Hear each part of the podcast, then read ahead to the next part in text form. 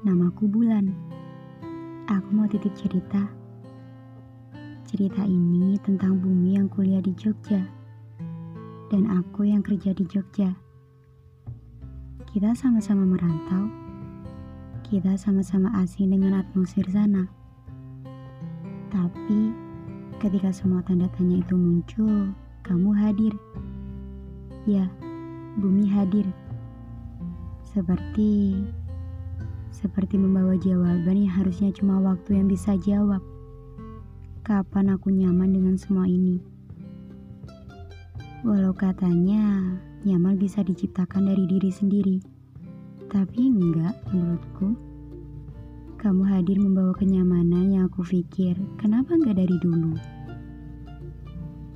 Setelah semua pertemuan singkat yang berkesan, yang membawa kenyamanan, yang membuat hilang lara, kamu pergi.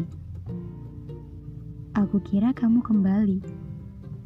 Yang aku kira kembali, nyatanya tetap memilih pergi. Yang aku kira kembali, nyatanya memilih sendiri tidak bersamaku untuk jangka panjang.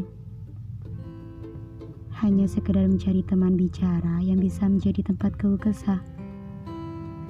Kamu ingat kita pernah ke Malioboro bersama? Kita pernah berfoto bersama. hmm, aku yakin kamu ingat.